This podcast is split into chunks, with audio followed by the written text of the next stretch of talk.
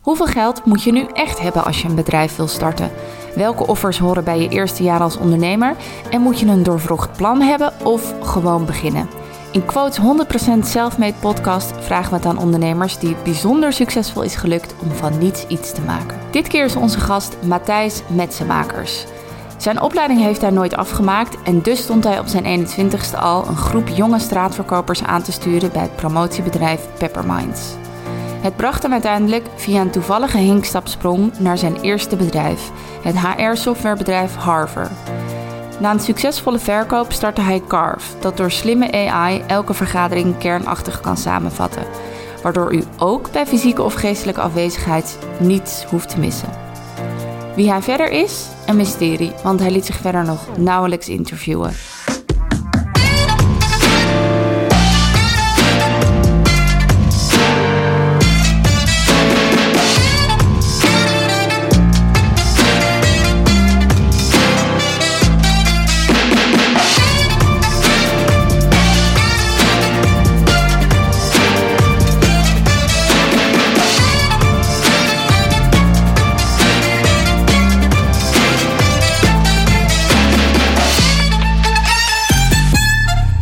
Moment is hij uh, bezig met zijn eigen bedrijf Carve. Uh, en dat maakt online meetings uh, een stuk prettiger voor ons allemaal. want als je niet in de meeting zit, omdat je andere dingen te doen hebt, dan kan Carve je precies vertellen wat je hebt gemist. Wat de belangrijkste dingen waren die er werden gezegd. dus dat maakt iedereen een stuk blijer. Maar goed, voordat we het daarover gaan hebben, gaan we het eerst over het aller, aller, allereerste werkende begin, begin van je werkende leven hebben. Matthijs, welkom. Ja, dankjewel. goed, jij was op je 21ste uh, business manager bij Pepperminds, bedrijf dat abonnementen en goede doelen verkoopt op straat en aan deuren. business manager bij Pepperminds, 21. Hoe zag je leven er toen uit? Wat moet ik me daarmee voorstellen? Um, ja, dat is een goede vraag. Ik heb die, ja, ik stuurde een vestiging aan van Groningen, Pepperminds Groningen, of eigenlijk een team, een sales team. Um, ja, ik denk dat iedereen uh, heeft die ervaring met Pepperminds wel op de negatieve manier, denk ik. Uh, ik was een vervelend persoon die ging aanspreken op straat uh, om je een goed doel te verkopen of een krant, krantabonnement. Um, maar voor mij was het een ja, geweldige ervaring, geweldig bedrijf. Ik denk heel veel mensen die ik daar heb ontmoet, spreek ik nog steeds, heb ik later in mijn zakelijke leven nog steeds ontzettend veel profijt van. Ja, ik, ik, voor mij was dat echt een geweldige periode. Wat zijn de belangrijkste dingen die je daar hebt geleerd? Um, ja, ik, wij kregen best wel veel uh, trainingen in die tijd over persoonlijk leiderschap, over um, veel training over uh, Cialdini, uh, van psycholoog, van boeken. Er werd heel veel geïnteracteerd op, op um, ja, bepaalde trainingen en informatie, zou ik bijna willen zeggen. En wat ik gaaf vond aan Pepperminds is, ik ben toch wel iemand van de praktijk. Ik ben ook nooit gaan studeren. Um, en ik ging daar dus aan het werk. Ik was daar fulltime mee bezig. Um, en ik vond het heel vet dat je... Je kon een training krijgen over persoonlijk leiderschap, over beïnvloeding, uh, of over uh, hoe je nou een goed verhaal, wat beklijft bij mensen. En ik vond het gewoon heel vet dat je letterlijk dat op kon zuigen. En de dag daarna ging ik dan de straat op, of mijn teams behelpen op straat. En je kon het meteen toepassen. En dan, dat je dan ziet dat het werkt. Dus die, hele snelle uh, cirkel van iets opzuigen um, en letterlijk denken, hey, hoe ga ik dat echt toepassen in mijn eigen verhaal morgen? En dan zien, hey, het werkt. Dus die hele snelle, uh, uh, ja, die snelle feedback loop vond ik geweldig. En dat ben ik eigenlijk, dat raak je eigenlijk, daar raak je verslaafd aan, bijna. Ja, was je een goede, goede verkoper? Nou ja, jij, jij hebt zelf bij Hot Networks gewerkt, heb je me net verteld. Dus uh, dat, dat, mag jij beoordelen. Dat, dat is de concurrent, dat was de voor concurrent. de mensen die dat niet weten. Ja, ja. precies. Nee, ik, ik, vond het, uh, nee, ik, ik, was er, ik vond het ontzettend leuk om te doen. En um, ja, het was voor mij wel iets waar ik succes in ervaarde. Ja. Kun je, kun je nog één, voordat we verder gaan, één, één dingetje dat je merkte, ja, dat werkte dus. Kun je één concreet voorbeeld geven? Um, ja, heel, heel, ja, iets heel concreets wat iedereen trouwens die, uh, die luistert, die ook dit werk nu doet, is uh, wat heel vervelend is, is op straat werken, is dat het, dat het gaat regenen. Ik bedoel, we werken wonen in Nederland, dus eigenlijk is het eerste wat je mensen moet leren, is ja, als het regent, hoe ga je daarmee om? En wij kregen dan persoonlijk leiderschapstrainingen van nou, als, je, als het regent, dat is gewoon vervelend. Dan moet je niet denken, oké, het regent niet en je baalt ervan. Nee, je moet daar wat mee doen. Dus uh, ga een paraplu halen of ga in je hoofd doe iets met die frustratie, maar blijf er niet mee op straat staan en dan heb je een vervelende dag. Dus ja, als je frustraties hebt, of als er dingen zijn die je blokkeren om, uh, om op dat moment een goede dag te hebben, um, daar dan iets mee doen. Nou, bijvoorbeeld als het regent, uh, iemand bellen, hey, ik balen van het regent, ik heb het koud. Uh, of, nou, ik had als trucje bijvoorbeeld, ik stond vaak voor de HEMA. Uh, dat vond ik een leuke plek. En uh, ik had als trucje, weet, hoe ga ik voordeel uit de regen halen? En dan zei ik, als ik mensen stopte, zei ik van, hey, we gaan even onder het afdakje van de HEMA staan, want het regent. En dan gingen mensen met je mee onder het afdakje van de HEMA. En zo werd de regen dus een enorme kans om juist een hele goede dag te hebben. Dus als ik dan aankwam en het regende, dacht ik, oké, okay, vandaag gaan we een goede dag hebben, want ik kan onder het afdakje van de HEMA staan. Dus het is meer dat persoonlijk leiderschap van hoe maak je met iets wat uiteindelijk een tegenslag lijkt in het, in het grotere plaatje, hoe kun je daar toch iets van maken? Ik denk dat dat iets is waar ik wel ja, dat neem je mee, laat ik het zo zeggen. Wanneer kwam voor jou het punt dat je uh, de deur bij Pepperminds achter je dicht trok mm -hmm. en uh, zelf op avontuur ging als ondernemer? Ja, um, was eigenlijk, uh, ik, was, ik had een baas bij Pepperminds waar ik ontzettend goed mee was. En wij gingen op een gegeven moment samen op vakantie. en toen, um, toen zaten we op een gegeven moment, nam hij mij, we gingen ergens een drankje doen. En toen was er, knoopte hij een soort serieus gesprek met mij aan van, ik moet je wat vertellen, want ik ga ermee stoppen. Ik ga iets voor mezelf doen. En dat was eigenlijk bedoeld als moment van, uh, ja, balen, je moet, ik ga het bedrijf verlaten. En toen had ik meteen zo'n soort van iets van, ja, dit wil ik ook. Dus toen zijn we dat samen gaan doen. Ja, dus dat was eigenlijk het eerste moment dat ik, toen heb ik eigenlijk toen terugkwam op mijn baan opgezegd en zijn we samen begonnen. Wat zijn jullie gaan doen? Ja, toen was de tijd dat uh, social media echt opkwam voor bedrijven. Mm -hmm. um, uh, dus wij zijn toen een, ja, een heel, uh, dat was echt wel een schattig bureautje gestart om mensen te gaan helpen met, ja, eigenlijk social media marketing. Welk jaar was dit? Dit was in 2012. Ja. ja. En het was gewoon letterlijk, ik ging bedrijven benaderen en om te gewoon te zeggen, hey, je hebt geen presence online op socials en we gaan jou daarmee helpen. En hadden we een productje geformuleerd.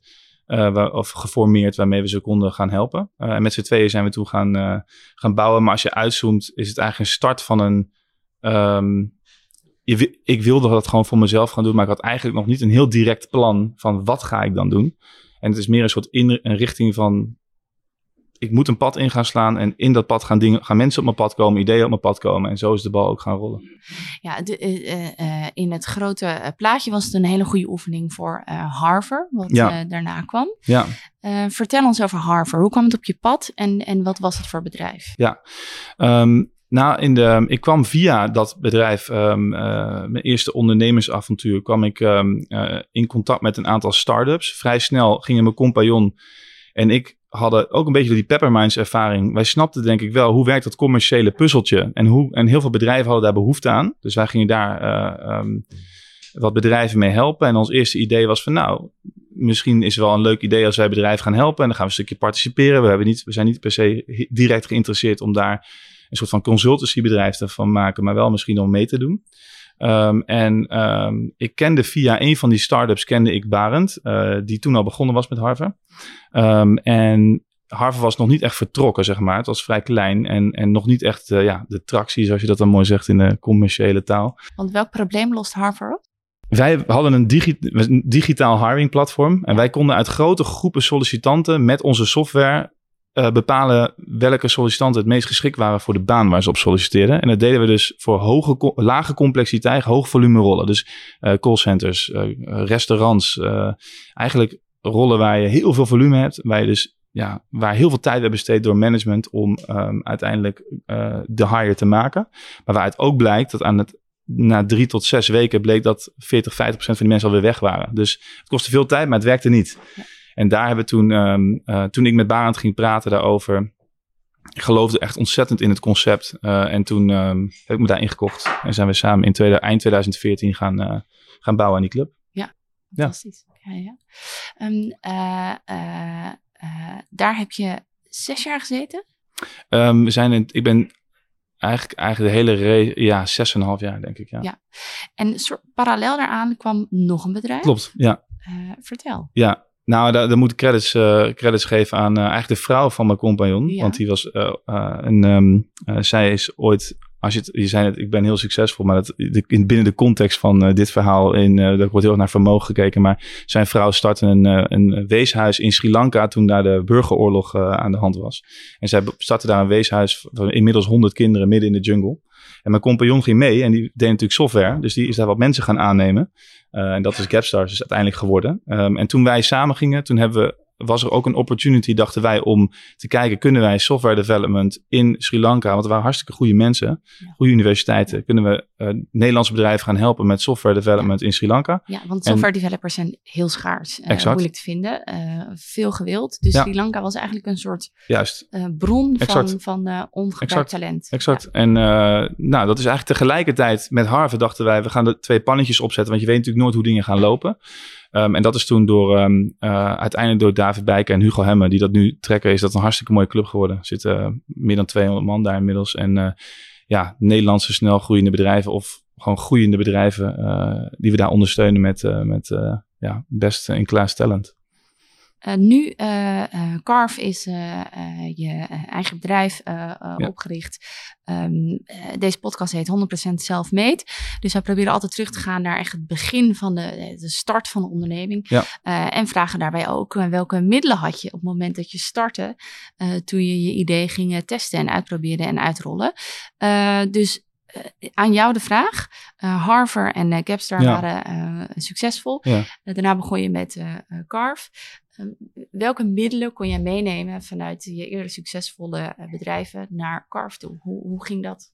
Oei, dat is een lastige vraag. Kijk, je, toen met Harvard, toen ik me inkocht, dat, is, dat was, uh, heb ik mijn, uh, wat ik had, heb ik erin gestopt. Dus dat was natuurlijk een ander punt dan, uh, dan toen Harvard verkocht werd in 2021. Ja, de middelen, ik denk dat je wat je uiteindelijk meeneemt, is toch de kennis, de ervaring en het netwerk. Um, en je hebt natuurlijk, als je een bedrijf gaat bouwen, maak je een keuze, ga je het zelf vinden. Mm in software moet je vaak de eerste periode in ieder geval veel voor investeren. Dat doe je een stuk zelf. Um, en, maar wij hebben ook wel um, uh, de keuze gemaakt om weer vanuit ons netwerk en een aantal partners waarvan wij denken die kunnen ook Carve zo meteen bijdragen aan de groei van Carve. Dus we hebben ook daar um, wat investeerders bij aan boord gehaald. Uh, maar het is, kijk, mijn, ik, ik hou ervan om iets te doen waar ik al mijn, waar ik mijn tijd aan uh, besteed. En voor één, op één ding te focussen wat voor mij op dat moment het, het probleem is waar me ga indompelen, waar ik dan alles wat ik zie en wat ik denk moet daar dan mee te maken hebben. Dus uh, daarom uh, is het grootste middel wat ik ervoor inzet uiteindelijk, naast natuurlijk het financiële, is gewoon uiteindelijk je tijd en je ja. creativiteit. Ja.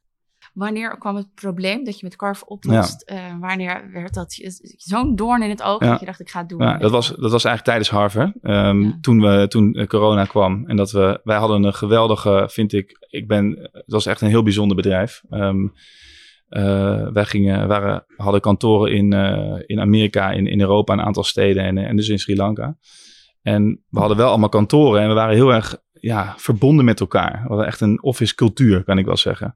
En toen wij uh, dus, um, toen corona kwam en we gingen met z'n allen remote werken, zaten we dus letterlijk, zat ik ineens elke ochtend um, met honderd man in een Zoom call. En um, ik merkte toen dat mijn dag. Wij, wij, wij grappen wel eens van. We hebben onze talentenvolle mensen in meetingmachines veranderd. En je kunt bijna zeggen: het is bijna de lopende band van de 21ste eeuw. Je zit achter je bureau, je hebt een laptop. En dan, schieten eigenlijk van de hele dag Zoom-calls voorbij.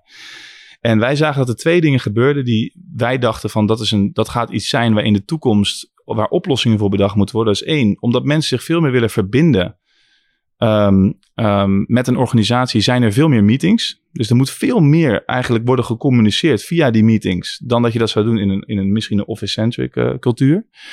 Um, en dat leidde dus dat mensen veel meer tijd kwijt waren aan meetings, terwijl dat misschien helemaal niet nodig is. Maar het belangrijkste was, wij hadden heel veel grote klanten. En daar hadden we natuurlijk heel veel calls mee en heel veel contact mee. En ik zag ineens bij klanten, normaal komen de klanten bij een, uh, een kwartaallijkse meeting, komen ze met z'n drie of z'n vieren. En ik kwam ineens met twaalf man. En toen dacht ik van, hé, hey, maar driekwart van die mensen zegt helemaal niks. En die zijn ook, die hebben ook problemen met dat ze aan het einde van de dag te weinig tijd hebben om hun werk af te krijgen. Dus je zag die beweging van mensen, moeten veel meer hun best doen om waarschijnlijk geïnformeerd te blijven binnen die organisatie. Um, terwijl dat misschien eigenlijk helemaal niet nodig is. En toen zijn we met Carve begonnen en gaan nadenken hoe kunnen nieuwe technologieën ervoor zorgen dat mensen veel makkelijker informatie tot zich kunnen nemen. Waardoor ze eigenlijk twee problemen kunnen oplossen. Dat ze minder bij meetings hoeven te zijn aan de ene kant. Dat gaat gewoon tijdwinst opleveren. 60% in sommige bedrijven van de tijd gaat naar meetings. Sommige bedrijven 10%, sommige bedrijven, dus dat is, hangt er vanaf. En aan de andere kant, um, als we die informatie beter kunnen verdelen naar mensen, kunnen mensen zich ook misschien wel in dat in dat eenkamerappartement waar je je werk doet als je in een gedistribueerd team werkt. Misschien kan je dan wel veel beter verbinden met wat er eigenlijk in de grotere plaatje gebeurt, zonder dat je overal maar bij hoeft te zijn. Ja. Nou ja, en die AI-breakthrough die we hebben gehad einde vorig jaar heeft natuurlijk een enorme duw gegeven. Dat we ongelooflijk ongestructureerde informatie, wat natuurlijk meetings eigenlijk zijn, uh, dat we die nu ineens veel beter kunnen structureren. Want het ziet er ontzettend gelikt uit. Uh, kun, je, kun je vertellen hoe, hoe, um, welke features er in, in Carve zitten? Ik kan, ik kan misschien vertellen hoe het werkt. Ja. Uiteindelijk wat je doet is je, je connect Carve aan je kalender. Dus je verbindt eigenlijk eenmalig, zet je dat op. En op dat moment moet je Carve eigenlijk zien als een, uh, als een buddy die met je meeloopt. Dus die is altijd bij al die meetings. Mm -hmm. kijk, als er een hele privé meeting is, kan je Carve ook weer verwijderen. maar wat Carve doet, is die zet de gesproken taal om in tekst. En die gaat dan met die informatie, gaat hij aan de hand van dingen die voor jou belangrijk zijn, gaat hij jou eigenlijk updaten. Dat gaat hij jou misschien, als je niet bij een meeting kan zijn, kan hij jou een samenvatting van de meeting sturen. Het kan zijn dat dat is, als in jouw context bijvoorbeeld het belangrijk is, je bent een projectmanager en je moet de milestones van een project weten, kan hij jou dat teruggeven. Maar misschien is voor een eh, CEO wel ontzettend belangrijk dat hij uh, weet, uh, hey, is het sentiment in het sales team wel goed eigenlijk? wat zijn de, dus dat is per persoon kan dat dan anders functioneren. Um, en die informatie kunnen wij toebrengen, maar het wordt ook een soort grote, ja, kennisbank, zou ik bijna zeggen, waar je later dan Net als dat je het nu met ChatGPT eigenlijk doet op basis van het internet, kan je later ermee interacteren. En dan kan je bijvoorbeeld zeggen, als, ik een, uh, als wij een gesprek hebben over deze podcast die we nu opnemen, misschien over een jaar, uh, denk je van, uh, kan jouw collega zeggen, hey, wat was Matthijs' mening over remote work ook alweer? Nou, daar kan je die informatie weer ophalen. En vroeger, nou, vroeger heb ik het over, over, laten we zeggen, acht, negen maanden geleden, waren meetings letterlijk stof het moment dat de meeting voorbij was. En die informatie was weg, die zweeft daar nog ergens. Nou, als je dan 60% van de tijd in meetings besteedt en die informatie is daarna allemaal weg. We moeten noodteken en allemaal informatie in systemen zetten zodat andere mensen dat weten. Ja, die tijd gaan we allemaal teruggeven. En je, zegt zelf, je hebt heel erg een kantoorcultuur. Dit is natuurlijk hè, wat je zou kunnen noemen een corona-startup. Hoe bekijk je dat nu iedereen weer steeds meer aan de kantoor gaat, fysiek bij elkaar gaat zitten? En ja, wat, wat voor impact heeft dat uh, voor jullie? Nou, ik denk tegenovergesteld eigenlijk. We zijn juist nu denk ik geen kantoorcultuur. Ik geloof, voor mij, uh, ook onze klanten die als eerste op Carve komen, dat zijn bedrijven die geloven in uh, dat um, de toekomst van werk uh, is, denk ik, hybride slash remote. Ik denk dat simpele teasers dat mooie bedrijven zijn gebouwd door mooie mensen, door goede mensen. En goede mensen zijn overal. Dus ik, dat is mijn, de simpelste vorm om na te denken over dat de toekomst van mooie bedrijven ja, waarom zou je daardoor limiteren tot, uh, uh, tot een kantoor waar je mensen van omheen moet vouwen? Daarmee zeg ik niet dat in-person ontzettend belangrijk is. Dus ik, ik, ik zelf ervaar ook voor bepaalde dingen wil je gewoon zorgen dat, dat, uh, dat je bij elkaar komt, omdat het gewoon nodig is.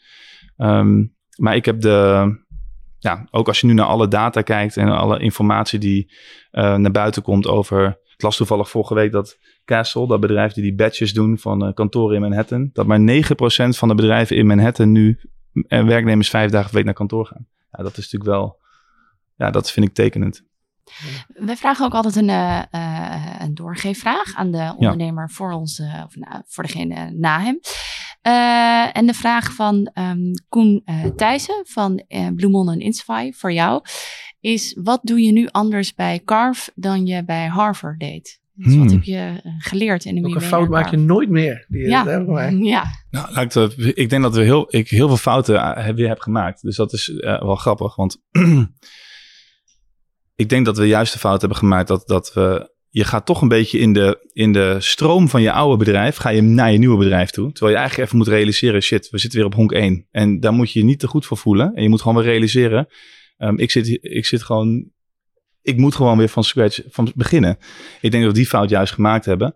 Um, wat we wel anders doen, is dat we bij Harv heb ik wel gemerkt dat je uiteindelijk je, je, neemt mensen aan om problemen op te lossen die je in de toekomst ziet aankomen. En waarschijnlijk kunnen ze die problemen beter oplossen dan jezelf. En ik denk dat we bij Harvard daar dat, hebben we, dat ligt, dat weet je als persoon, maar dat ligt om daarna te handelen hebben we vrij laat gezien. En bij Carve hebben we dat wel, denk ik dat we als we op zoek gaan naar mensen uh, die we verbinden aan een organisatie, dat we wel de lat daarvoor ontzettend veel hoger leggen.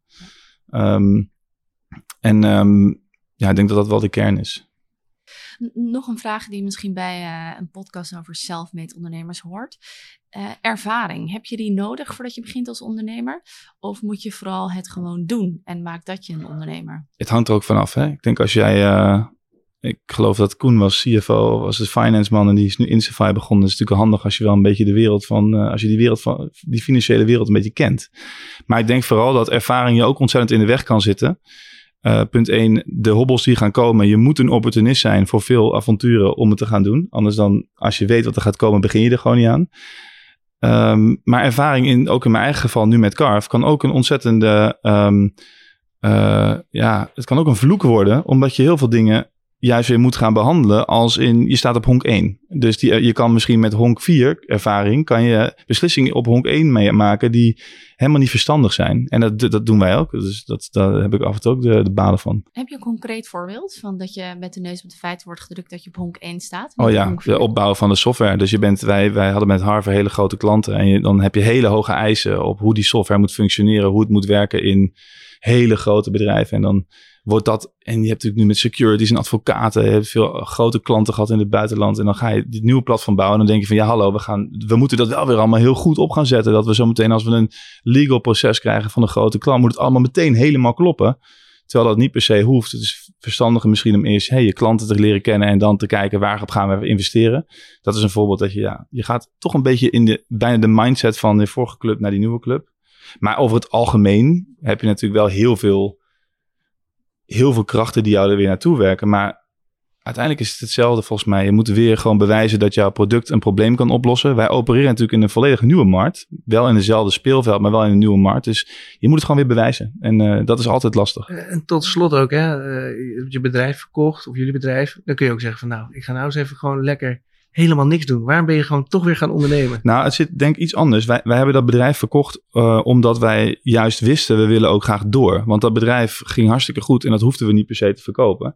En een van de redenen waarom dat is gedaan, omdat wij juist heel eager waren voor een aantal nieuwe ideeën. Voor een aantal, toen corona kwam, zag je dus die, een aantal dingen gebeuren dat je denkt, wauw, als je nu je handen vrij zou hebben, kun je weer zoveel nieuwe vette dingen doen. En dat is iets wat wij ons allebei, Baant en ik, heel erg leuk vonden.